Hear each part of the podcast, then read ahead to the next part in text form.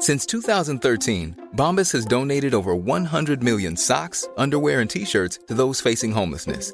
If we counted those on air, this ad would last over 1,157 days. But if we counted the time it takes to make a donation possible, it would take just a few clicks. Because every time you make a purchase, Bombas donates an item to someone who needs it. Go to bombas.com slash ACAST and use code ACAST for 20% off your first purchase. That's bombas.com slash ACAST, code ACAST. Hiring for your small business? If you're not looking for professionals on LinkedIn, you're looking in the wrong place. That's like looking for your car keys in a fish tank. LinkedIn helps you hire professionals you can't find anywhere else, even those who aren't actively searching for a new job but might be open to the perfect role. In a given month, over 70% of LinkedIn users don't even visit other leading job sites. So start looking in the right place. With LinkedIn, you can hire professionals like a professional. Post your free job on linkedin.com slash people today. Hey, it's Ryan Reynolds, and I'm here with Keith, co-star of my upcoming film, If, only in theaters May 17th. Do you want to tell people the big news? All right, I'll do it. Sign up now and you'll get unlimited for $15 a month in six months of Paramount Plus Essential Plan on us. Mintmobile.com slash switch. Upfront payment of $45 equivalent to $15 per month. Unlimited over 40 gigabytes per month. Face lower speeds. Videos at 480p. Active Mint customers by 531.24 get six months of Paramount Plus Essential Plan. Auto renews after six months. Offer ends May 31st, 2024. Separate Paramount Plus registration required. Terms and conditions apply if rated PG. Hi, I'm Daniel, founder of Pretty Litter. Did you know cats tend to hide symptoms of sickness and pain? I learned this the hard way after losing my cat, Gingy. So I created Pretty Litter, a health monitoring litter that helps detect early signs of illness by changing colors, saving you money and potentially your cat's life. Pretty Litter is veterinarian developed, and it's the easiest way to keep tabs on your fur baby's health right at home. Go to prettylitter.com and use code ACAST for 20% off your first order and a free cat toy. Terms and conditions apply. See site for details. I'm amazed how many people own stocks. They, they would not be able to tell you why they own it. They couldn't say in a minute or less why they own it. Actually, you really press them down, they'd say, the reason I own this is the sucker's going up. There's enough cash in the financial system, and there's an infinite amount of cash at the Federal Reserve, an infinite amount Put of cash. that check in a money market mutual fund. Then we'll reinvest the earnings into foreign currency accounts with compounding interest, and it's gone. So they had to do something. All they had left was just to print money and start buying things. And that's what they did. Quick buck artists come and go with every bull market, but the steady players make it through the bear market. They say money can't buy happiness. Look at the fucking smile on my face. Hej och välkommen till ett nytt avsnitt av Market Makers. Och idag ska vi ju prata om någonting som eh, inte har varit så hett på flera år. Ja, vi ska ju prata om kryptovalutor och dagen till ära så är bitcoin ner 10 procent. Ja, vi tänkte det att nu när det är rea i bitcoinaffären, det är väl då man ska snacka om det. Buy low, sell high. ja, det är ju en rejäl kryptohås nu. Senast vi hade med en gäst och pratade krypto, det var ungefär precis vid toppen där. Den dubblades i och för sig en gång till, men det var i slutet på 2017 där bitcoin toppade runt 20 000. Sen kraschade den hela vägen ner till 6 000 och nu har den gjort någon slags ökenvandring här senaste åren. Men nu har intresset vaknat upp igen och framförallt efter coronakraschen när centralbankerna började trycka pengar. Så nu står bitcoin över 50 000 dollar någonting och det som alla undrar nu är förstås, ska den ner till 5 000 dollar igen eller ska den upp till 500 000 dollar? Så vi tänkte att vi tog in en expert på det här, Kristoffer De Geer ska vi träffa. Och han har skrivit böcker om det här, han har jobbat med det här i princip hela sitt yrkesliv och med tanke på hur ung branschen är så tror jag att faktiskt det är få som har så pass gediget CV som Kristoffer har. Så det ska bli jättekul och eh, snacka med honom om bitcoin. Men innan vi bjuder in honom i diskussion ska vi som vanligt påminna om att ingen rådgivning eller rekommendation sker i den här podcasten. Vi berättar bara om vår process och hur vi tänker. Gör alltid din egna analys och glöm aldrig att alla investeringar är förknippade med risk.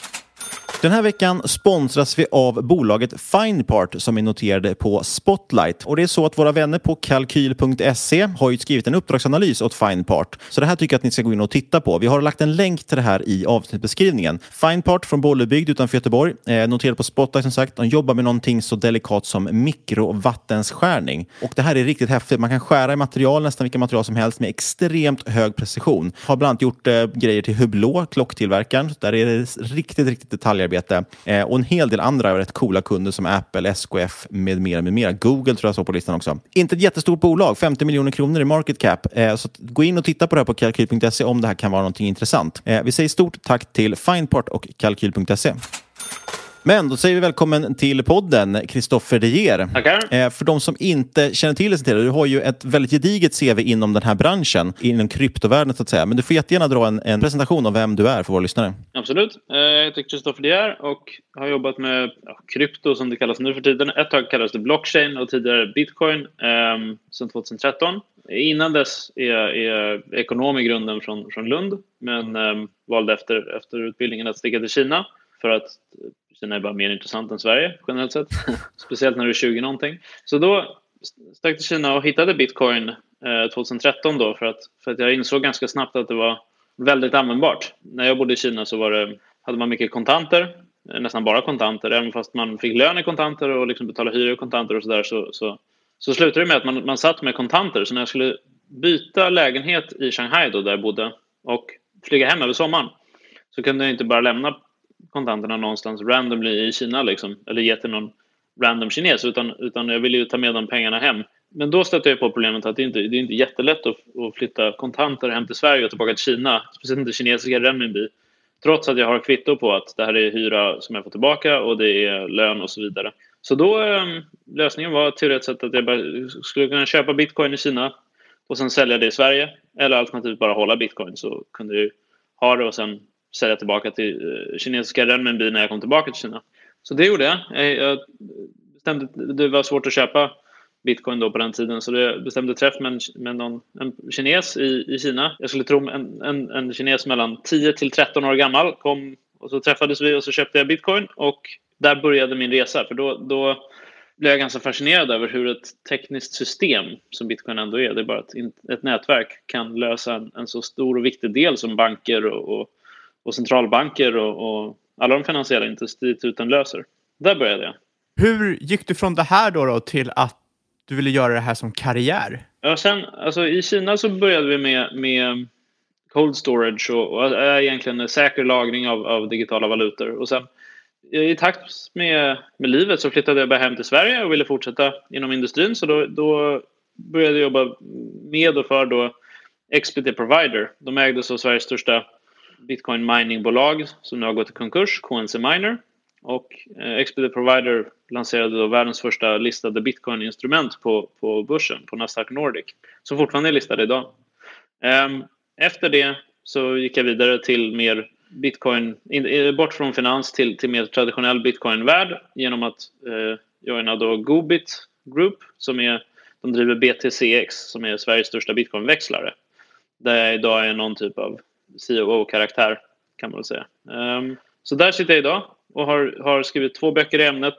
Är, är långt utdaterade, det var de så fort de kom. För industrin går så extremt snabbt framåt att nästan vad man än skriver och publicerar så är det, är det nästan, nästan, nästan knappt värt att lyssna på eller läsa. Så att det gäller kanske till och med det här avsnittet när det publiceras om två dagar. jag, jag tänkte faktiskt på det. Vi gjorde ju typ avsnitt 10, tror jag var, så hade vi med Ivan Ontech, eller Ivan Liljekvist. Han drev ju då i alla fall, jag antar att det fortfarande är en av de största YouTube-kanalerna inom krypto. Ja, eh, och då minns jag, en av frågorna jag hittade där då, det var att vi frågade om när tror du att bitcoin når 10 000?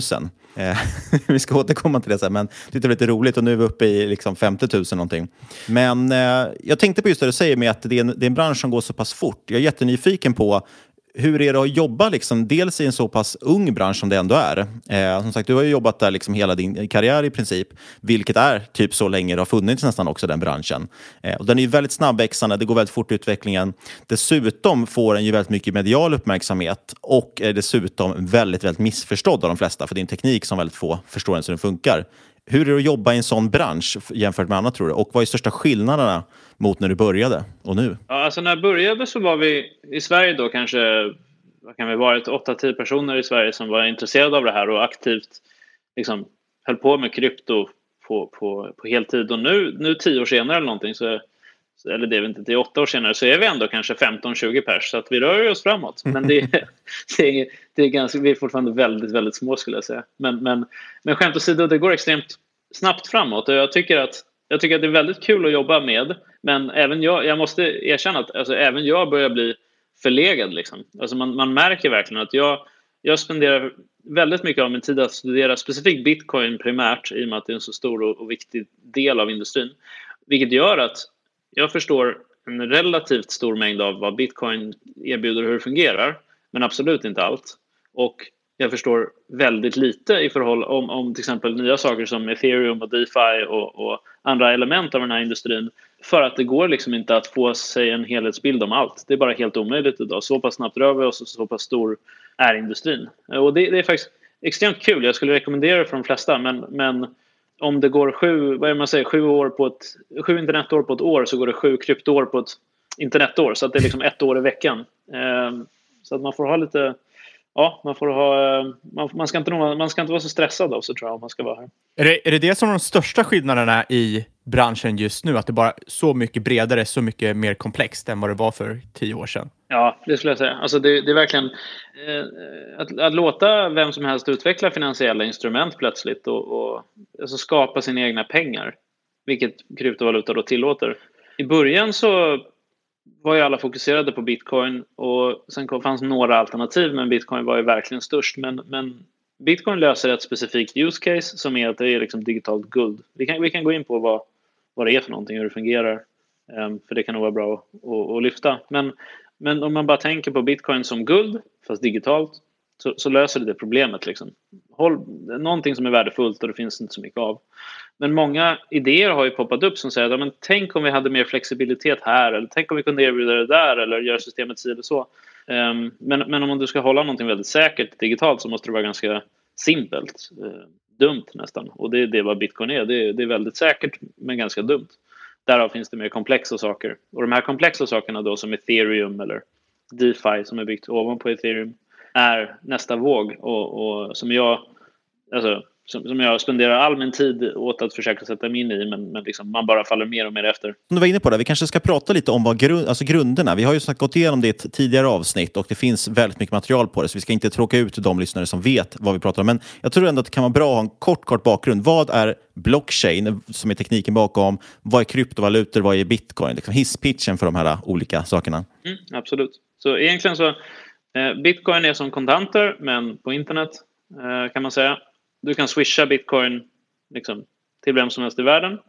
Vanliga pengar, om, du ska, om jag ska swisha dig som är svensk så är det inga problem för du använder swish och så går det till dig. Men råkar du vara norrman helt plötsligt stöter vi på mer problem för att ett, ett finansiellt system generellt sett har nationella gränser. Eh, bitcoin är bara ett öppet finansiellt nätverk så som internet är. Så om jag, jag kan ju mejla vem som helst i världen och mejlet kommer fram direkt. Likaså med bitcoin. Jag kan skicka pengar till vem som helst i världen och pengarna kommer fram direkt. Det vore ganska absurt om jag skulle säga att jag mejlar dig som svensk och, och det mejlet kommer fram direkt. Men råkar du vara norrman då kommer mejlet fram imorgon.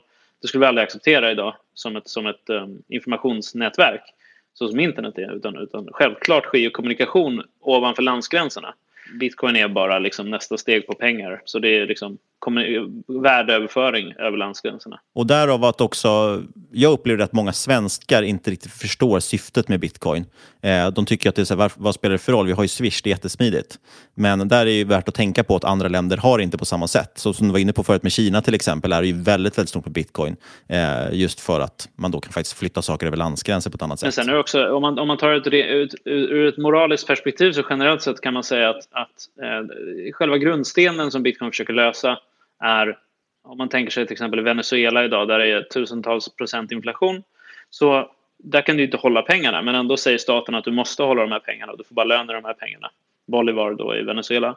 Det du vill göra är att du vill köpa mat och medicin kanske, men det är slut i landet. Så du skulle vilja köpa utomlands, men för att köpa utomlands behöver du köpa dollar och ta ut dollar definieras som kapitalflykt. Så banken säger att du får inte köpa in mat och medicin från utlandet trots att det inte finns här hemma till exempel. Här kommer bitcoin in som ett substitut till exempel. För, för människor i Venezuela är oavsett ålder väldigt medvetna om hur bitcoin fungerar. För då gör de bara som så att då tar de Bolivar och köper bitcoin, för den transaktionen går inte att stoppa. Och sen tar de bitcoin och köper mat och medicin. Och så skeppar de hem det till sig själv eller vad, vad de nu behöver. Så att det är svårt för svenskar. Vi har ett så, så pass pålitligt finansiellt system. Vi har en regering och liksom, vi, vi, vi litar på våra myndigheter. Vi litar på vårt land och det gör att vi behöver inte bitcoin. Och det är sant och det ska vi vara glada för. Men det finns människor där ute som behöver bitcoin. Och det, det, ska man inte förkasta. Ja, och sen i bakgrunden så är det någonting som heter blockchain som äh, agerar tågräs kan man säga. Hur, hur fungerar det här? Vad är hisspitchen för blockchain och blockkedjor? Ja, alltså blockchain är egentligen en väldigt enkel databas. Det är en väldigt eh, dum databas kan man säga. Så att om jag till exempel säger så här, jag ska swisha dig eh, 100 kronor. Det jag gör då är att jag ber banken om lov att ha pengar som, som de säger att de har som är mina. Ge dem till dig och sen informera dig om att du har fått dem. Jag har ju aldrig pengarna och du har ju aldrig pengarna utan vi litar ju båda på en central punkt, då banken. Blockchain är bara inom citationstecken enklare metod där man säger att alla måste skriva ner allting som händer och på det sättet slipper vi lita på någon i mitten. Så säg att det är vi tre här till exempel. Men om jag då smsar, Kristoffer smsar, um, eller vi börjar så här. Fabian, Niklas och Kristoffer har 100 kronor var. Då skriver vi alla ner liksom ingående balans på ett sånt här klassiskt T-konto, ingående balans 100 varje person. Och så swishar jag 50 spänn till Fabian. Då skriver vi alla minus 50 spänn hos Kristoffer plus 50 spänn hos Fabian. Sen försöka swisha 100 spänn till Niklas. Vad säger ni andra då? Att du bara har 50 kronor? Det går inte. Ja, vad mm. håller du på med liksom? Du, du, går, du kan inte gå minus. Det går vi inte med på. Så du kan inte göra den här transaktionen. Och det är uppenbart. Du har inte pengarna. För att det ska kunna göras så behöver du en bank eller någonting i mitten. Men det blockkedjan gör är bara att vi säger att varje person måste skriva ner exakt allting som sker. Och sen kan vi jämföra mot varandra hela tiden. Så att det är en, det är en väldigt um, enkel struktur som, som är väldigt ineffektiv. Men det ineffektiva gör också att det, det, det, kan göras av alla och därför behöver vi inga nationella gränser på samma vis. Nej, det blir ju precis som du säger, för att i, i, när man litar på sin centralbank, då kan vi ju lita på att svenska kronan har ett värde imorgon också förhoppningsvis. Det skyddas ju av centralbanken och staten.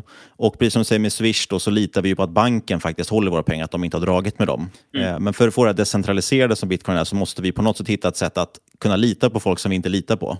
Och därav som du säger, då skriver ju alla ner, alla sparar ju hela tiden en kopia av alla transaktioner. Eh, därav att det är lite intressant att det används eh, mycket på svarta marknaden som man pratar om, att, eftersom det är ju ändå dock helt spårbar valuta. Eh, jag tänkte bara att vi skulle ta en annan myt här. Det känns som eh, det är bra att vi får undan de här myterna i början så folk inte sitter här med fel föreställningar. Eh, en annan grej man sätter på ofta när man, folk kritiserar bitcoin eh, och inte förstår riktigt, det är det här med att jo, men det är, om det är så enkelt att skapa nya kryptovalutor, varför ska bitcoin ha ett värde? Eh, skulle vi kunna prata lite om det? Mm, absolut. E-, egentligen så är det sant att skapa en, en kryptovaluta är ju väldigt enkelt rent tekniskt. För att låt oss, låt oss göra så här. Vi har bitcoin och det är bara kod. Och där har vi liksom, det finns 21 miljoner stycken bitcoins och alla har skrivit ner alla transaktioner som har skett i den här blockkedjan och bla bla bla. Så vi har det systemet. Men det är ju öppet. Det är bara kod. Det är, det är hur lätt som helst att kopiera. Så låt oss skapa våra egna pengar nu här i podden. Så vi skapar liksom... Eh, The market makers coin. Ja, men precis. Market makers coin. Eh, och så vi, ger, vi ger till exempel eh, 100 000 market makers coin. Eller för att göra folk mer giriga. 100 miljoner market makers coin till varje lyssnare som, som mejlar in. Liksom. Nice. Nu har vi en ny valuta här. Hur ska vi se till att den här blir värdefull då? Mm. Ja, det är här problemet kommer. Hit, hittills är det väldigt enkelt. Vi kan bara ta bitcoin och använda den tekniken. Vi kan kopiera koden och säga att de här får 100 000 och den får en miljon och så vidare. Men nästa steg då? Jag vet inte om man får svära i den här podden, men hur fan gör man så att man får värde i pengar? För värde är ju bara tillit. Så det vi behöver göra för att till exempel göra så att market makers coin blir mer värdefullt än bitcoin är att mer människor måste lita på market makers coin än bitcoin. Och det bitcoin fick, det var att det fick 5-6 år av liksom tystnad och långsam tillväxt och bara att vara unik som gjorde att alla började bli intresserade långsamt, lära sig, bygga saker på, sätta upp till exempel som vårt bolag BTCX. Vi har liksom infrastruktur på plats för att växla mellan banken till bitcoin-nätverket och så vidare. Men vi har inte det för Market Makers Coin.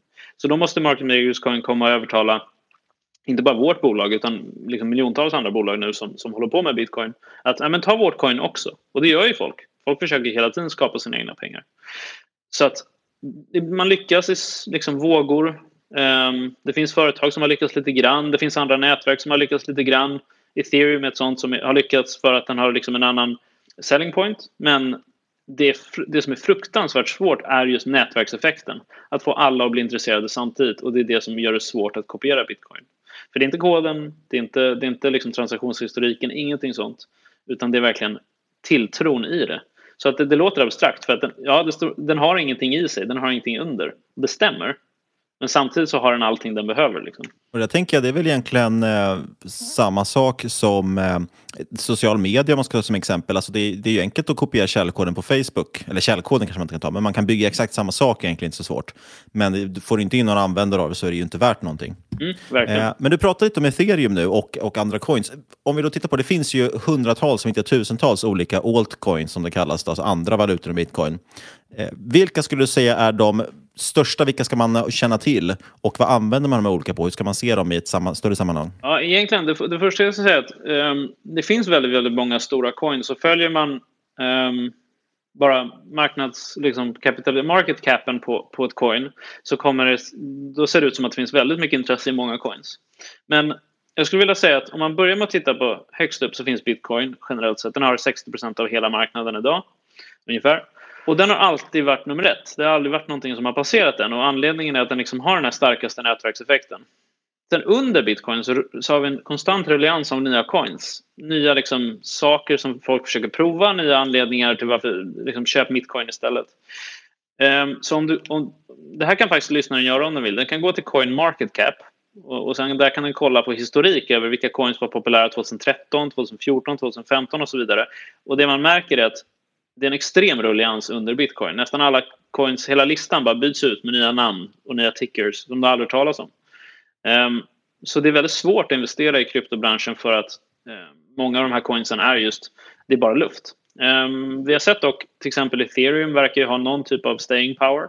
Så det, det finns väl, det finns, verkar finnas mycket intresse i den typen av löfte att vi ska kunna bygga någonting mer avancerat än bitcoin med blockkedjan. För det ethereum försöker göra är ett sorts decentraliserat finansiellt system så att du ska kunna ha handelsplatser och, och, och allting egentligen uppe på blockkedjan då istället för att behöva gå till, till centraliserade parter. Så det, det är en sak som, som faktiskt verkar ha någon typ av staying power, ethereum. Sen finns det helt, helt ärligt andra coins som bara, det är verkligen, jag vet inte hur starkt man kan säga this is not financial advice, men this is not financial advice. För det finns coins som typ Dogecoin som har extremt stark staying power. Och Dogecoin är liksom ett meme coin. Den, den, har ingenting. Den har inga utvecklare. Den har inte utvecklats på, på, på um, år. Den har eh, liksom buggar i sig som man vet om som gör att om den får mycket värde, så, eller ännu mer värde för den är redan värd miljarder dollar, Ehm, så, kommer, så, kom, så kommer man kunna attackera nätverket. Så det är verkligen inte någonting man ska investera i. Men den typen av coin som inte har någon... Um, den har också inte någon tydlig grundare som upprätthåller det. Den har liksom inget... Den, den har bara en community. Den verkar också ha en, en väldigt stark typ av staying power. Generellt så skulle jag, av, jag skulle avråda för att, för att man bara ska hoppa rakt in i krypto och investera i liksom de 500, topp 500 eller topp 100 eller ens topp 10 för att topp 9 där är inte säkert att de är lika säkra och, och, och kommer finnas kvar om, om 5-10 år som, som i alla fall jag är säker på att bitcoin kommer. Du säger att man kan attackera nätverket i Dogecoin. Vad är det som hindrar att man kan göra det i till exempel bitcoin? Ja, då kommer man in på den här um, um, delen av, av blockkedjan som, som kallas mining. Och det är egentligen bara, om vi nu ska säga att Eh, vi alla får skriva ner vilka transaktioner som skett. Vad händer då om du och jag skriver ner en transaktion samtidigt till exempel? Vilken ska komma i vilken ordning? För det kan, det kan påverka hur mycket pengar någon har till exempel när den ska skicka. Och då måste man ha mining och det är egentligen bara elektricitet som spenderas för att ha en chans att få bestämma den här ordningen. Och i belöning får du då nya bitcoins eller nya coins för vilket coin du minar. Så till exempel om, om ett coin inte har så mycket hashing power så kan du köpa sån hashing power och sen rikta den mot Dogecoin då till exempel eller något annat coin och sen attackera den vägen. Det finns också kodbuggar och liknande som, som, som kan utnyttjas. För att förenkla det där skulle man kunna säga att det är det är inte du, om jag ska skicka någonting till dig, eh, en bitcoin till dig är det inte nödvändigtvis jag som minar, utan det kan vara en tredje part som Niklas som genomför någon typ av komplex, det är något komplext pussel som han ska lösa för att den här transaktionen ska gå igenom, eller hur? Mm, ja, precis. Ja, det är precis. Det är tredjeparts... Det är liksom en hel tjänst nu. Det är en hel industri där man liksom... Du, du har el, du har tillgång till el, ja, men då kan du antingen sälja den elen till en stad till exempel, dess invånare, eller så kopplar du upp det genom att du sätter miners där och sen sätter du liksom internet connection och sen säljer du till bitcoins nätverk istället. Um, så jag tror bitcoin idag omsätter som en, ett, en mindre nation i elektricitet per år, vilket gör um, vissa inte helt nöjda med det. Men um, ja, det är precis så att det finns tredjepartsindustri som, som just hanterar de här transaktionerna och säkerställer dem. Och det är då miners. Och det handlar ju egentligen om att för att du och jag, vi tre liksom ska inte sitta och behöva ha koll på varje transaktion, utan vi, vi outsourcar ju den delen egentligen. Att skriva ner varje transaktion kan man ju säga. Ja, så kan man säga. Eh, och därav också, som du var inne på med kod, där, man, man kan ju då på sätt och vis rösta genom eh, hur mycket kraft man har. Och där, därför att det måste, därav att det måste också vara decentraliserat på många parter. Och, och i Dogecoin till exempel kan man ju då köpa upp tillräckligt med, med datorkraft för att ta över egentligen nätverket och bestämma vart, vilket håll den ska gå åt. man kunna säga. Och eh, det är därifrån det här kommer också att man har en ändlig mängd bitcoin för att alla bitcoins har inte blivit upptäckta om man säger så än. Ehm, Det finns för 21 miljoner bitcoin. Men då är en vanlig fråga, vad händer när alla de här bitcoinsen har blivit minade? Varför ska någon då mina bitcoin och säkerställa de här transaktionerna? Just det. Det första jag ska svara på där är bara varför finns det just 21 miljoner stycken? Liksom, vem, vem bestämmer att det ska vara 21 miljoner stycken bitcoins? Och vad, tänk om jag vill ha en miljon till? Så bara för att göra ett tydligt exempel där. Låt oss än en gång gå tillbaka till det här exemplet där, eh, där Fabian, Niklas och jag, Kristoffer, då har, har eh, 100 bitcoins var säger vi. Eller market makers coins, vi kör på det. Och så säger vi att um, går, ni, går ni två med på att vi alla gör 100 coins till var?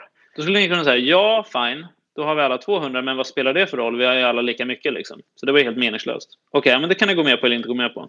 Men går ni alla med på att jag får 100 miljoner market makers coins bara? Magkänslan är fan heller. Trots att vi bara hittar på den här valutan som, som inte har något värde så du ska fan inte ha 100 miljoner market makers coins som vi har bara 100. Inte en chans. Och det är exakt så bitcoin säkras. De här 21 miljoner stycken bitcoinsen, jag vet att de bara kommer ha 21 miljoner stycken bitcoins. För jag kommer inte ge någon annan en enda jävla bitcoin, kan jag säga, av ingen anledning alls. Utan jag kommer kolla alla transaktioner och hålla koll på att all, ingen har gjort nya bitcoins eller mer bitcoins. Utan jag, vi har bara från grunden bestämt att det ska finnas 21 miljoner stycken. Siffran är arbiträr, men den är som den är. Och så är det. Ingen ska få mer. Det här är vad som finns. Och så får alla bara vara nöjda med det. Ehm, men då vad händer då om, om de här eh, coinsen tar slut? För det är sant, vi har hittat typ 19 miljoner nu. Och vi ska hitta eh, 21 miljoner. Det sker år 2140. Då är, då är det slut på, på bitcoins. Då har vi hittat alla. Så det är ett tag kvar, men vad händer då? Och det som händer är att vi håller på just nu att gå över till transaktionsavgifter som betalmetod till miners. Så istället för då subventionering som det här är, att man, man skapar nya coins och ger till miners, så säger man varje transaktion, och det gör man idag, har ett visst pris och ju mer du betalar ju snabbare kommer du in i ett block för då vill ju en miner ta med dig. Så ren girighet är vad som ska rädda bitcoin i längden, vilket är en väldigt pålitlig mänsklig liksom, sida av oss tror jag, som man, man ganska starkt kan räkna med. Om vi ska prata om ethereum som är väldigt stort också. Vad är skillnaden på det? Varför tror du att det har blivit populärt? Och eh, vad är smarta kontrakt? Absolut. Så egentligen så... Det enda vi försöker lösa med bitcoin är just den här fruktansvärt enkla ekvationen. Vi vill bara kunna säga att jag vill kunna skicka 100 till dig eller 50 till dig och jag vill att alla kollar hur mycket som finns. Jag vill också att liksom rätt nyckel ska göras, så att ni ska kolla att inte fel person skickar mina pengar och så vidare. Enkelt. Skicka pengar, lagra pengar, det är bara pengar. Liksom. Men ethereum försöker göra något helt annat. De har på ett sätt blivit eh, någon typ av tillgång eh, fortfarande, men, men Egentligen så försöker ethereum bygga en sorts dator. Så varje miner som sitter och håller koll på saker håller inte bara koll på att transaktioner har skett. Utan de, de, de exekverar också kod kan man säga. De, de håller koll på att okay, men nu ville den här som gjorde den här transaktionen att eh, det här och det här skulle hända. Till exempel du skulle liksom kalla på något API någonstans eller någonting. Och på det sättet bygga en sorts, de tycker inte om den här terminologin längre, men världsdator. Eh, så en sorts dator som alla kan lita på. Liksom. Eh, och till viss mån börjar de ju lyckas. Du kan till exempel gå till ethereum och så kan du köpa en valuta en, eller en annan tillgång för ether då, tillgången ether utan att behöva göra affärer med en annan person eller gå till ett eh, företag. För det de har byggt är något som kallas automated market makers exempelvis. Och det funkar bara som så att du har en pool med tillgång A och tillgång B och så har du 100 av varje om jag då vill köpa en tillgång eh, A, då måste jag skicka in en tillgång B. Och då ombalanseras det ju. Så då blir det helt plötsligt eh, 101 av ena och 99 av andra. Ehm, och då helt plötsligt blir priset lite annorlunda. För nästa gång du skickar, det måste alltid vara 50% Det måste alltid vara balans i de här poolerna. Så på det sättet tar de via då smart contracts som det heter och automated market makers lyckats bygga en struktur som gör att du kan göra affärer utan att behöva handla med någon egentligen utan du handlar direkt av ett kontrakt. Och det är ganska unikt eh, skulle jag säga och, och, visar på att det finns någon teoretisk potential med DeFi och liknande även om det är fruktansvärt tidigt. Vad är det för skillnad med smarta kontrakt på en blockkedja jämfört med smarta kontrakt som inte är på en blockkedja? Det finns företag som till exempel DocuSign och eventuellt Hey, I'm Ryan Reynolds. Recently, I asked Mint Mobile's legal team if big wireless companies are allowed to raise prices due to inflation. They said yes. And then when I asked if raising prices technically violates those onerous two-year contracts, they said, "What the f*** are you talking about? You insane Hollywood ass." So to recap, we're cutting the price of Mint Unlimited from $30 a month to just $15 a month. Give it a try at mintmobile.com slash switch. $45 upfront for three months plus taxes and fees. Promo rate for new customers for limited time. Unlimited more than 40 gigabytes per month. Slows. Full terms at mintmobile.com. One size fits all seemed like a good idea for clothes. Nice dress. Uh, it's a it's a t-shirt. Until you tried it on. Same goes for your health care. That's why United Healthcare offers a variety of flexible, budget friendly coverage for medical, vision, dental, and more. So, whether you're between jobs, coming off a parent's plan, or even missed open enrollment, you can find the plan that fits you best. Find out more about United Healthcare coverage at uh1.com. That's uh1.com. Hi, I'm Daniel, founder of Pretty Litter. Cats and cat owners deserve better than any old fashioned litter. That's why I teamed up with scientists and veterinarians to create Pretty Litter. Its innovative crystal formula has superior odor control and weighs up to 80% less than clay litter. Pretty Litter even monitors health by changing colors to help detect early signs of potential illness. It's the world's smartest kitty litter. Go to prettylitter.com and use code ACAST for 20% off your first order and a free cat toy. Terms and conditions apply. See site for details. Quality sleep is essential. That's why the Sleep Number Smart Bed is designed for your ever evolving sleep needs. Need a bed that's firmer or softer on either side? Helps you sleep at a comfortable temperature? Sleep Number Smart Beds let you individualize your comfort so you sleep better together. JD Power ranks Sleep Number number 1 in customer satisfaction with mattresses purchased in-store. And now, save 50% on the Sleep Number limited edition Smart Bed for a limited time. For JD Power 2023 award information, visit jdpower.com/awards. Only at a Sleep Number store or sleepnumber.com. Wow. Nice. Yeah. What you're hearing are the sounds of people everywhere putting on Bombas socks, underwear, and t-shirts made from absurdly soft materials that feel like plush clouds. Yeah, that plush. And the best part? For every item you purchase, Bombas donates another to someone facing homelessness. Bombas. Big comfort for everyone. Go to bombas.com slash ACAST and use code ACAST for 20% off your first purchase. That's bombas.com slash ACAST. Code ACAST. Adobe i framtiden som gör smarta kontrakt som är, ja det är drivet som vanliga kontrakt men när det uppnår vissa eh, punkter så exekveras, ja, exakt, så exekveras det automatiskt. Precis, egentligen så det som, det som um, gör att någonting kallas ett smart kontrakt är egentligen att det ligger på en plats som gör att kontraktet i sig är det som liksom det hålls eh, frånskilt från en, en, central auktoritet som bestämmer över det. Så med blockkedjor brukar man säga att blockkedjan är liksom domaren eller liksom arbitratorn. Det är, det är han som bestämmer om skedde någonting eller inte. Medan i verkliga världen, i vår värld, så har du ett, har ett kontrakt, då är det inte, det är inte du och jag som bestämmer i grunden utan egentligen är det en domstol eller um, det, finns, det finns ju någon liksom, lagar och regler som vi följer i vår verkliga värld medan på blockkedjan så är det på blockkedjan som saker avgörs. Så man brukar säga att ett smart kontrakt är de här typen av kontrakt som ligger på blockkedjan. Då.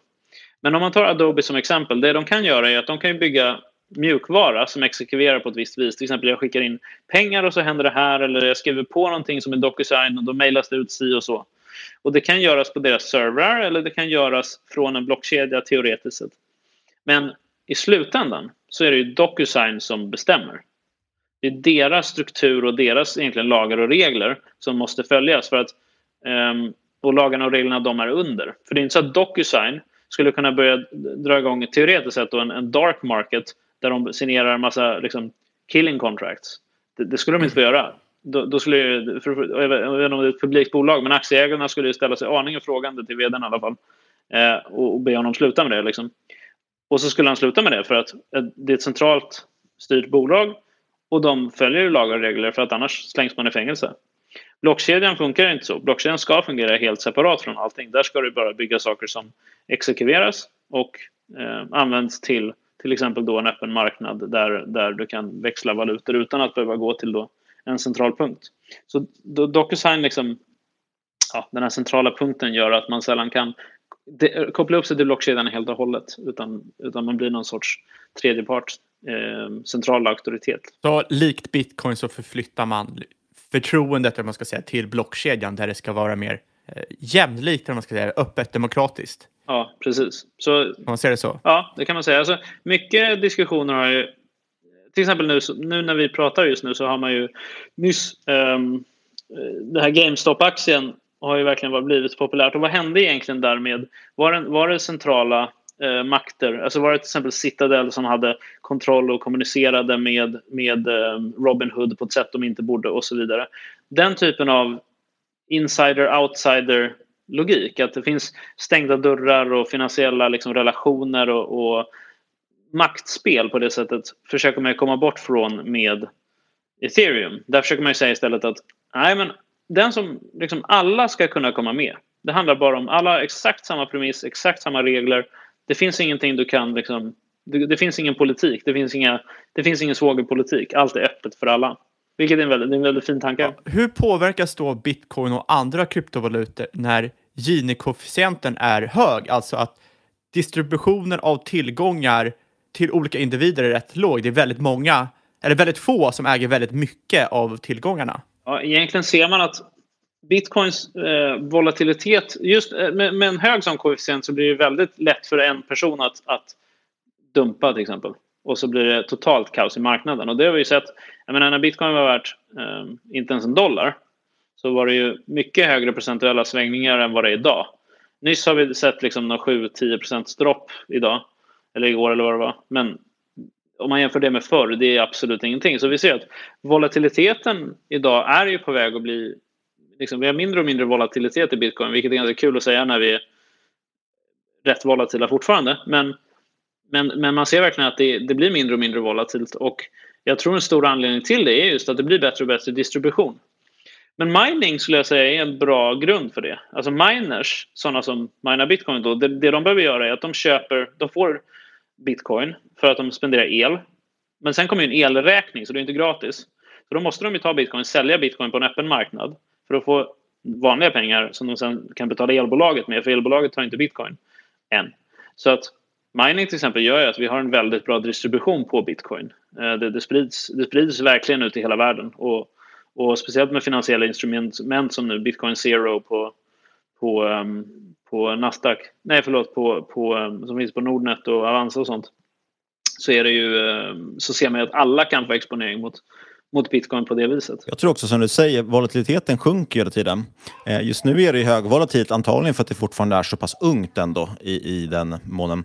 Eh, och jag inbillar mig också att någonstans, någon dag kommer man ju nå det som ska vara då liksom det rimliga priset för en bitcoin. Mm. Eh, precis, och då lär det ju antagligen bli som med guld, att ja, men, då, då är det en mycket mindre liksom, volatil eh, tillgång. Just nu är det ju fortfarande en stor liksom, omröstning i princip om vad det priset ligger någonstans. Är det 5 000 dollar eller 5 miljoner dollar? Det har jag ingen aning om. Nej, och jag menar, vi, är bara en, vi är bara 10 procent av guld än så länge. Så att, um, man kan ju förvänta sig att vi har betydligt högre, mycket, mycket, mycket, mycket, mycket högre volatilitet då än guld.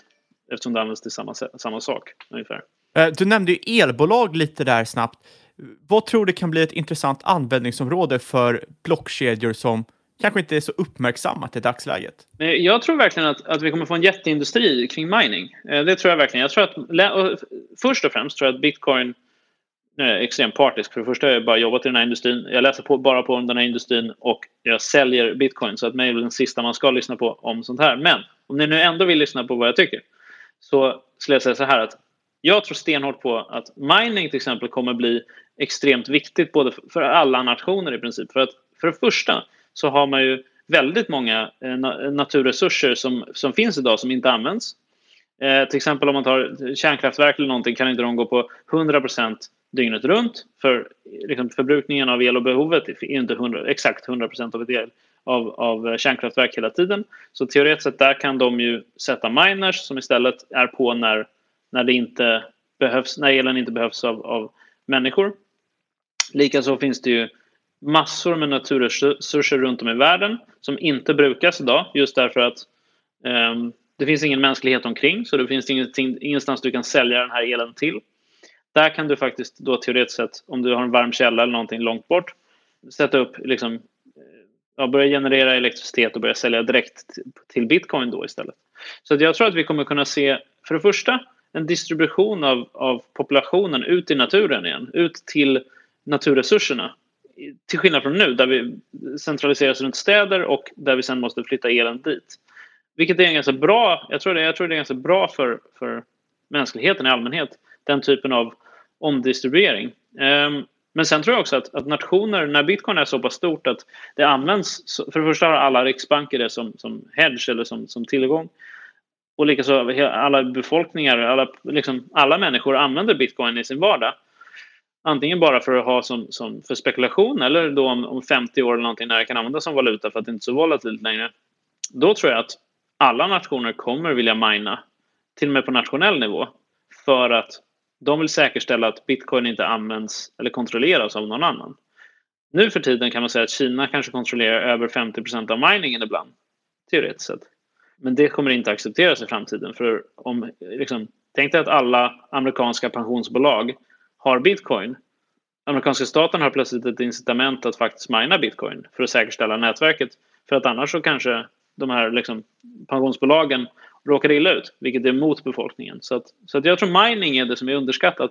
Och jag tror att det kommer ha extremt stor påverkan på hur vi gör nationella beslut och hur mänskligheten faktiskt förhåller sig till energi. Det här är lite motsatsen till vad många tror om att det finns ett stort hot eh, om regleringar och kring centralbanker och liknande när det kommer till, till krypto. Men, men rent allmänt, vad, tro, vad tror du finns för risker kring reglering? Jag tror, jag tror att det är för sent för reglering för att, för att kunna stänga ner bitcoin. Alltså man kanske hade kunnat ge sig på det 2011 eller 2012 eller någonting, men liksom efter det har det varit det är bara för sent. Um, så jag tror inte att det finns några risker på det sättet faktiskt. Det de kan göra teoretiskt sett, man skulle ju kunna säga någonting i stil med att, att um, vi har superstrikta regler kring KYC AML, alltså, alltså Know Your Customer och Anti-Money Laundering. Så att du får inte skicka bitcoins utan att skicka det mellan centraliserade punkter. Liksom. Till exempel. Ja, okej. Okay. Jag tror 99% av befolkningen inte skulle bry sig. För de skickar ändå bara mellan centraliserade punkter. De vill ha det på banken eller skickar det till liksom, Coinbase eller, eller BTCX för att ni vill veta att det är liksom... I princip vill man ha någon att ringa och skälla på när det har gått fel. Liksom. Man vill inte hålla sina egna pengar. Så jag tror, jag tror ingen skulle bry sig. Jag tror inte priset skulle reagera speciellt mycket om man, om man liksom gjorde att man, får, man, måste, man gör striktare liksom, KYC-AML-regler kring bitcoin. Eh, men jag tror inte heller att det skulle döda bitcoins use case. För bitcoin har inga problem med att det används för det. Bitcoin, hela syftet med bitcoin är egentligen bara, så som jag ser det, att när saker verkligen går illa för en befolkning, då måste bitcoin finnas där som alternativ. Och det går inte att stoppa. Du kommer alltid kunna köpa bitcoin för en bil eller bitcoin för pengar eller vad som helst. För det är bara ett protokoll, det är bara, det bara är information. Du kan inte stoppa information helt och hållet i ett land. Det går ju liksom inte. Då kan du inte stoppa informationflöde helt och hållet, då kan du inte stoppa bitcoin.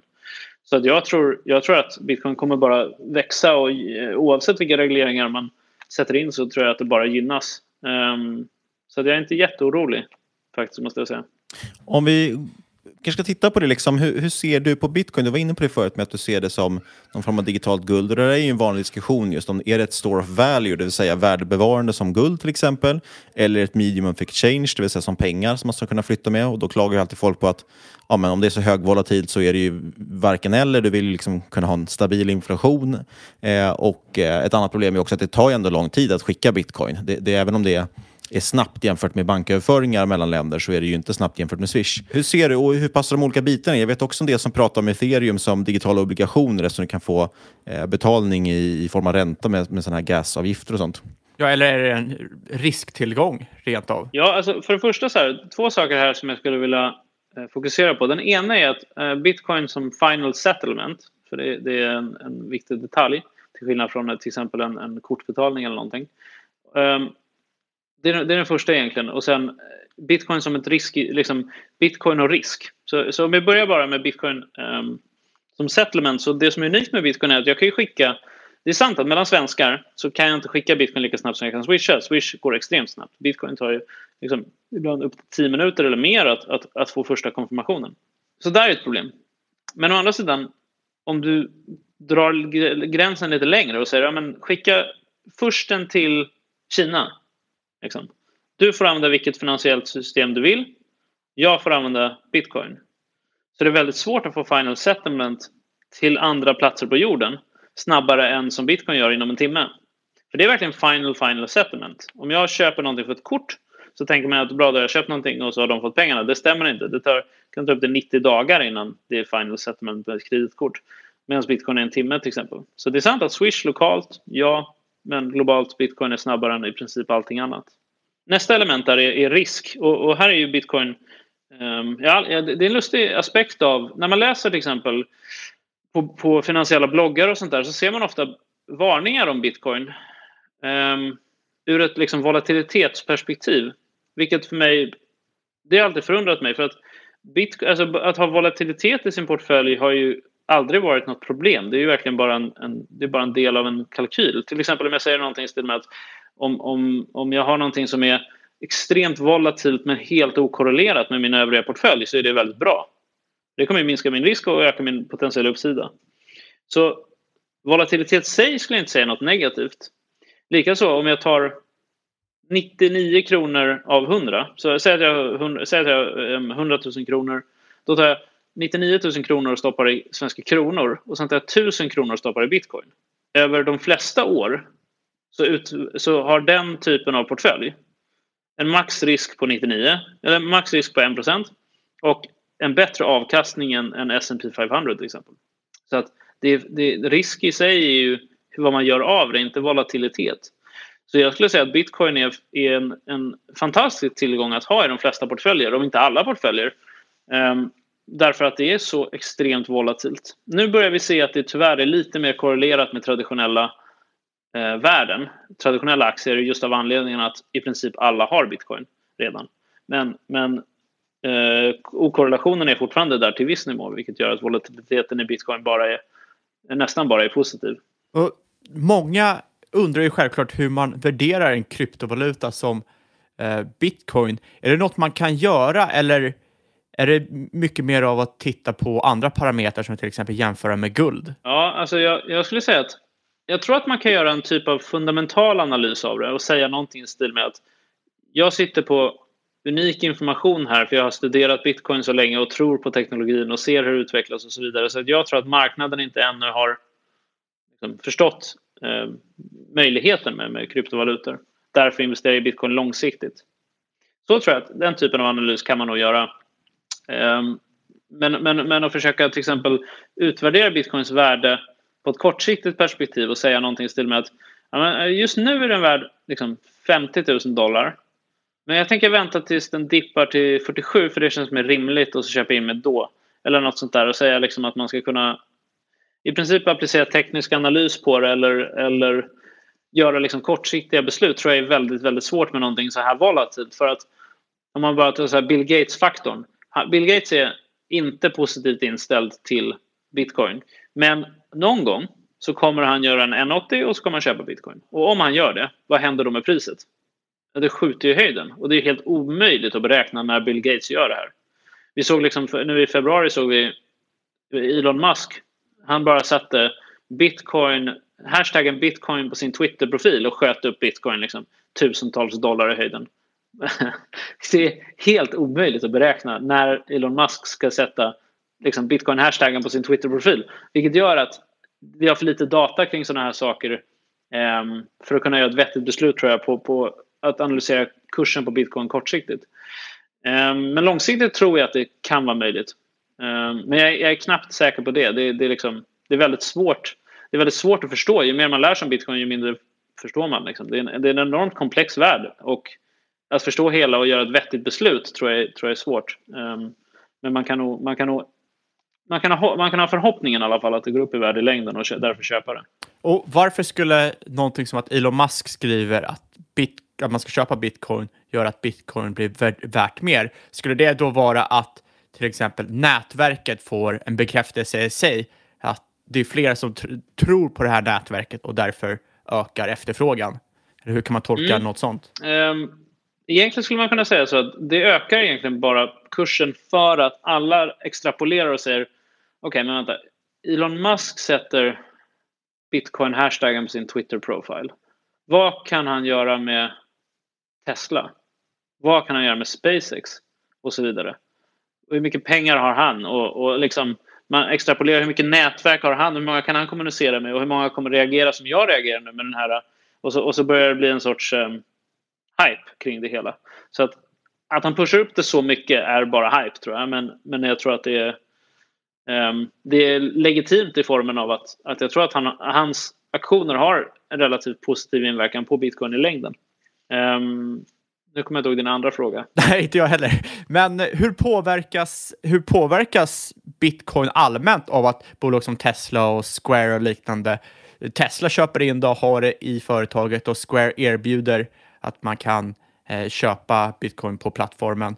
Hur, hur påverkar det eh, bitcoin framöver? Ja, alltså det, enda man, det enda sättet man kan köpa bitcoin och ge till sina kunder, eller erbjuda bitcoin som någonting att, att få liksom exponering mot, mot sina kunder på ett, på ett lagligt och vettigt sätt är ju att, att faktiskt sen köpa bitcoin.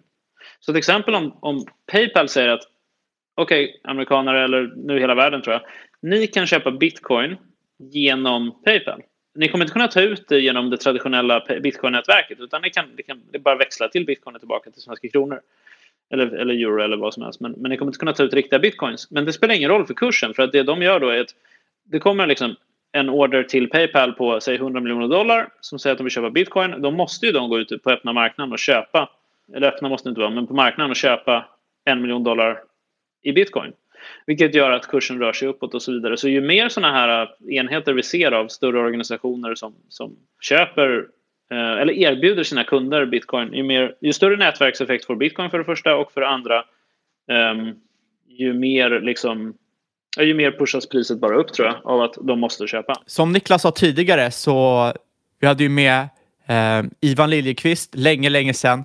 Eh, avsnitt nummer 10 som Niklas sa. Och då ställde vi frågan när kommer bitcoin komma till 10k? Det hände ju långt mycket tidigare än vad han trodde och vad vi trodde. Eh, någon vecka efter vi släppte podden, snarare några månader som Ivan trodde. Och nu ställer vi frågan eh, till dig. Vi är runt fem, 50 000 dollar. När tror du vi når 100 000 dollar? Ja, för det första hoppas jag att vi når det innan vi når 10 000 dollar i alla fall. Men bitcoin är volatilt alltså. eh, men om man säger så här att ja, om man ser på cyklerna som bitcoin har så har de mängden nya bitcoin görs, det, det görs just nu 6,25 men det halveras över tid så att tidigare gjordes det 12,5 till exempel och innan dess 25 och så vidare. Så det görs mindre och mindre bitcoin och det görs med fyra liksom, årscykler. Det man ofta ser är att en teori i alla fall är att bitcoin, det görs ett, ungefär när bitcoin slutar göra nya bitcoins i samma takt så ser man ungefär ett års fördröjning och sen börjar den funktionen då att, att nu finns det mindre bitcoins på marknaden pusha upp priset. Och det är ungefär den teorin håller för den här bullrunnen ganska bra. Man ser ungefär att ett år senare nu så börjar liksom mängden bitcoins som behövs den mängden är antingen konstant eller ökar men mängden som finns blir mindre och mindre. Och därför går priset upp. Det som händer i de här bullrunsen är att man, man går inte upp um, tidigare i alla fall, man går inte upp 200% eller 300%. Förra bullrunnen var ju piken säg 20 000 dollar. Så om man säger att vi ska upp 200% då skulle vi liksom hamna på 60 000 dollar. Det är inte så bitcoin funkar. Bitcoin volatilitetsmässigt är att piken slår ju, om man ska extrapolera likt förra eh, bullrunnen upp till säg 400 000 dollar nu. Och sen eh, precis vid 400 000 dollar då börjar alla dina kompisar lyssna på dig och så köper de bitcoin och så kraschar vi tillbaka ner till någonstans 60 000 dollar eller någonting. Och sen hänger vi, hänger vi där i tre och ett halvt år till. 100 000 dollar borde ju enligt tidigare modell då, om, om eh, if current trends continues, vilket aldrig stämmer, så borde det ju ske inom liksom veckor. Du, tror du det är rimligt att, ja, som du var inne på tidigare, att volatiliteten kommer bli mindre och därav kanske vi når de här 400 000 mycket långsammare än vad man tidigare har gjort. Och, men, men samtidigt att man kommer ha längre, eh, långsammare drawdown. Det kommer inte ske lika, lika panikartat som senast. Ja, kanske för att institutionerna är här. Och, och, och man säger alltid att institutioner är inte lika panikartade som retail. Men jag, jag, jag tror på när jag ser det, säger jag. För att de har inte varit med om att sitta och hålla på bitcoin när det kraschar. Alltså det, de CFO-erna kommer... Ja, jag vet inte om jag köper att de är liksom iskalla och bara kan sitta på en 90 dropp eh, och vara glada. Så att vi får se. Men jag tror att jag tror volatiliteten inte... Det kommer inte... Så här, teorin just nu är att vi är i en supercycle. Det är den fina teorin att, att liksom, den här gången är annorlunda. Och bara där, om någon säger att den här gången är annorlunda vet man att den här gången är absolut inte annorlunda. De säger liksom att ja, vi kommer gå upp till 400 000 dollar och sen kommer vi bara klättra långsamt uppåt i all evighet och alla kommer leva, alla förutom Peter Schiff som älskar guld, kommer leva lyckliga i alla sina dagar. Och ja, jag, jag säger att vi kommer garanterat ha poppat den bubblan och krascha tillbaka så att alla CFOs eh, stressar ihjäl sig. Annars, annars blir jag väldigt förvånad. När, när det kommer till att investera i krypto, hur ser du på skillnaden mot att köpa riktiga coins versus att köpa de här certen som finns på diverse börser? Vad är för och nackdelarna? Alltså fördelarna med riktiga coins generellt sett är att du kan vara i kontroll. Nackdelarna med riktiga kontroll, eh, coins är att du kan vara i kontroll också. För att man kan lika gärna tappa bort dem liksom, eller, eller vad man nu gör. Um, så att jag skulle säga att det beror på ditt use case. Om du till exempel är en person som verkligen behöver bitcoin, bitcoin för att du ska köpa mat och medicin fungerar ju inte certifikat. Så där har vi ett use case. Men är du en person som till exempel säger någonting i stil med att jag vill ha lite bitcoins ifall jag behöver dem någon dag i framtiden. Men primärt ska jag bara spekulera, men då, då tar ju majoriteten i certifikat. Och likaså om du, om du inte alls, om du litar helt och hållet på staten för resten av ditt liv, då håller du bara certifikat. Sen finns det en annan aspekt som är just att du kan, eh, du kan råka på att, att till exempel de som håller certifikaten åt dig inte hanterar det väl och så kan ju de tappa bort bitcoinsen. Och så har du inga pengar. Så precis, nackdelen med att ge bitcoinsen till någon annan är vad vi inom industrin kallar not your eh, keys, not your coins. Och det är att har du inte koll på dem så kan de mycket väl försvinna. Så det gäller att vara lite försiktig där. Men det finns absolut fördelar med att ha dem hos någon annan. Sen finns det ytterligare en svensk fördel och det är att eh, vi har ISK-konton. Vilket gör att du till exempel kan, om, säg att du förväntar dig att det kommer, en bullrun kommer av någon anledning. Om du hade köpt bitcoin idag, 50 000 dollar säger vi, och sen om en månad så är det 100 000 dollar så säljer du. Om då ska du skatta 30% på de 50 000 dollarna du gjorde i vinst. Men hade du istället köpt inom ISK, då skattar du ingenting på det sättet för skatt fungerar inte på samma sätt i ISK utan då har du plötsligt skattefri vinst. Så att det finns skattemässiga fördelar teoretiskt sett av att ha ett ISK-konto exempelvis eh, mot att hålla sin vanliga tillgång. Ja, speciellt i Sverige som du säger. Mm. En vanlig fråga som brukar komma upp och jag vet inte om det här är i, i din ballpark, men det är eh, Tether och så här stablecoins, hur det kan påverka kryptomarknaden framöver. Det har ju varit mycket prat om att till exempel Tether är en scam. Mm, absolut. Så jag, tror, jag tror mycket väl att, att um, Tether kan påverka kryptomarknaden. Till exempel det finns två element. Det första är positivt. Jag tror att Tether kan påverka genom att många vill in i krypto men de vill inte hela tiden sitta i krypto. Är du trader till exempel så kan du vilja gå ur en position och gå till någonting tryggare och då kan du gå till Tether teoretiskt sett för det ska vara tryggare för att du ska vara exponerad mot dollarn istället för, för bitcoin exempelvis. Så det, där finns ju en fördel. Sen, eh, nackdelen är just att Tether exempelvis kan ju bli så stora att om en, någonting händer där, säg att det finns inga pengar, liksom, då borde ju värdet i Tether minska och då kan ju det dra bitcoin med sig ner. Dels för att folk behöver, behöver på något sätt liksom, täcka sina positioner på något vis alternativt om det är så att det faktiskt svartar ner marknaden. Så, eh, att, eh, jag skulle säga att vi kommer nog se ett par stablecoin-kriser på något sätt.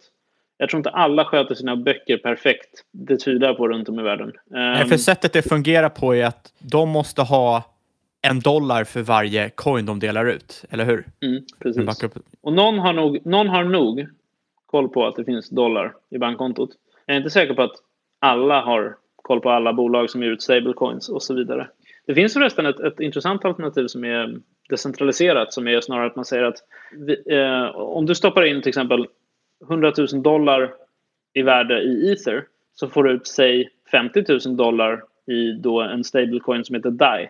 Så att på det sättet kan man göra det med ett smart kontrakt istället då istället för en sån här eh, Tether-liknande centraliserad lösning. Och, och eh, konsekvensen är ju att där kan vi i alla fall hålla koll och säga här finns, vi kan se, alla kan se, för alla har ju skrivit ner det, att här finns pengarna. Så det finns sådana fördelar med, med öppna blockkedjor snarare än, än eh, till exempel Tether och centraliserade lösningar. Som gör att stablecoins kan se lite tryggare där. Och, mm, dock, smart contract risk har vi inte ens nämnt och det är att allt det här är kod. Och jag vet inte om någon av er lyssnare, äh, lyssnare kodar men jag är ganska säker på att ingen av dem skulle våga påstå att de någonsin hört om någon eller träffat någon som skriver buggfri kod. Det finns liksom inte. Alla koder, all kod har buggar och det, här, och det här nya finansiella systemet är kod. Så att det finns en hel del liksom, attackvektorer och sånt där som inte är upptäckta ännu tror jag som, som behöver attackeras innan vi känner att systemet är helt stabilt. Så det här är väl ungefär motsvarigheten till dagens finansiella systems counterparty risk, där man alltid har risk mot motparten, till exempel bankerna, när du köper instrument av dem? Ja, det skulle man kunna säga. Det här är väl blockkedjans variant av counterparty risk. Du köper.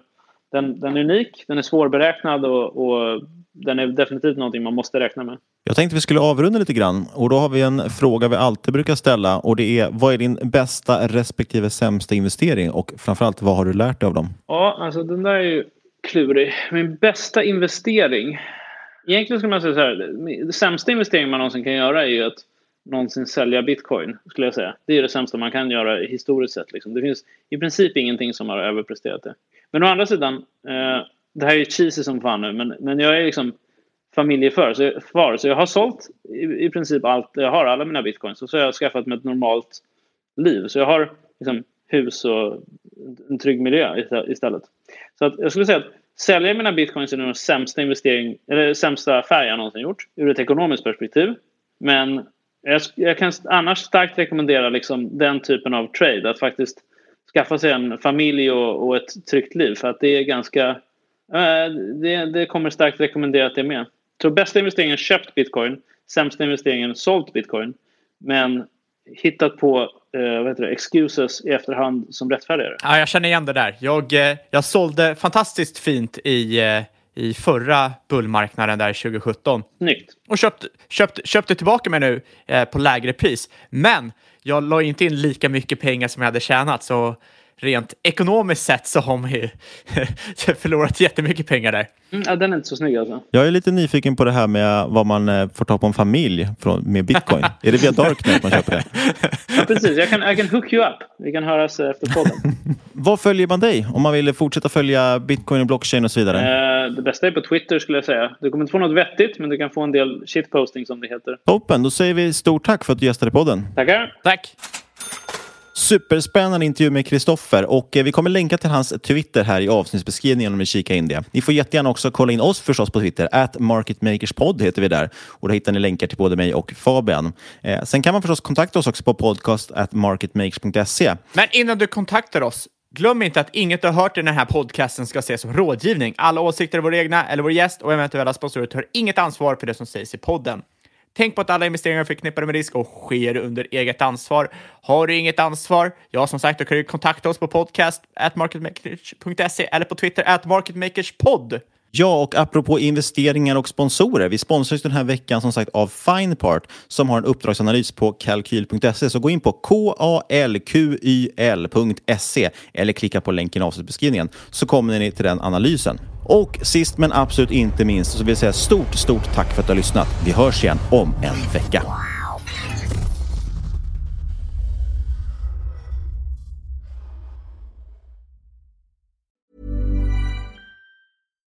Hi, I'm Daniel, founder of Pretty Litter. Cats and cat owners deserve better than any old-fashioned litter. That's why I teamed up with scientists and veterinarians to create Pretty Litter. Its innovative crystal formula has superior odor control and weighs up to 80% less than clay litter.